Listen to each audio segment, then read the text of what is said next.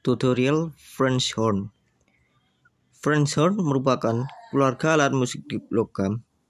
Biasanya dimainkan dalam ensemble atau orkestra musik klasik. Juga sering dimainkan sebagai seksi tiup dalam marching band. French horn memiliki tiga katup pengatur yang dimainkan dengan tangan kiri dengan tata cara dalam memainkan yang identik dengan trompet.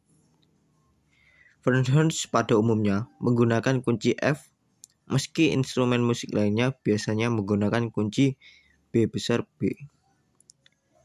Nada tertentu dimainkan dengan katup jempol ditekan dan nada lain dimainkan dengan katup jempol tidak ditekan.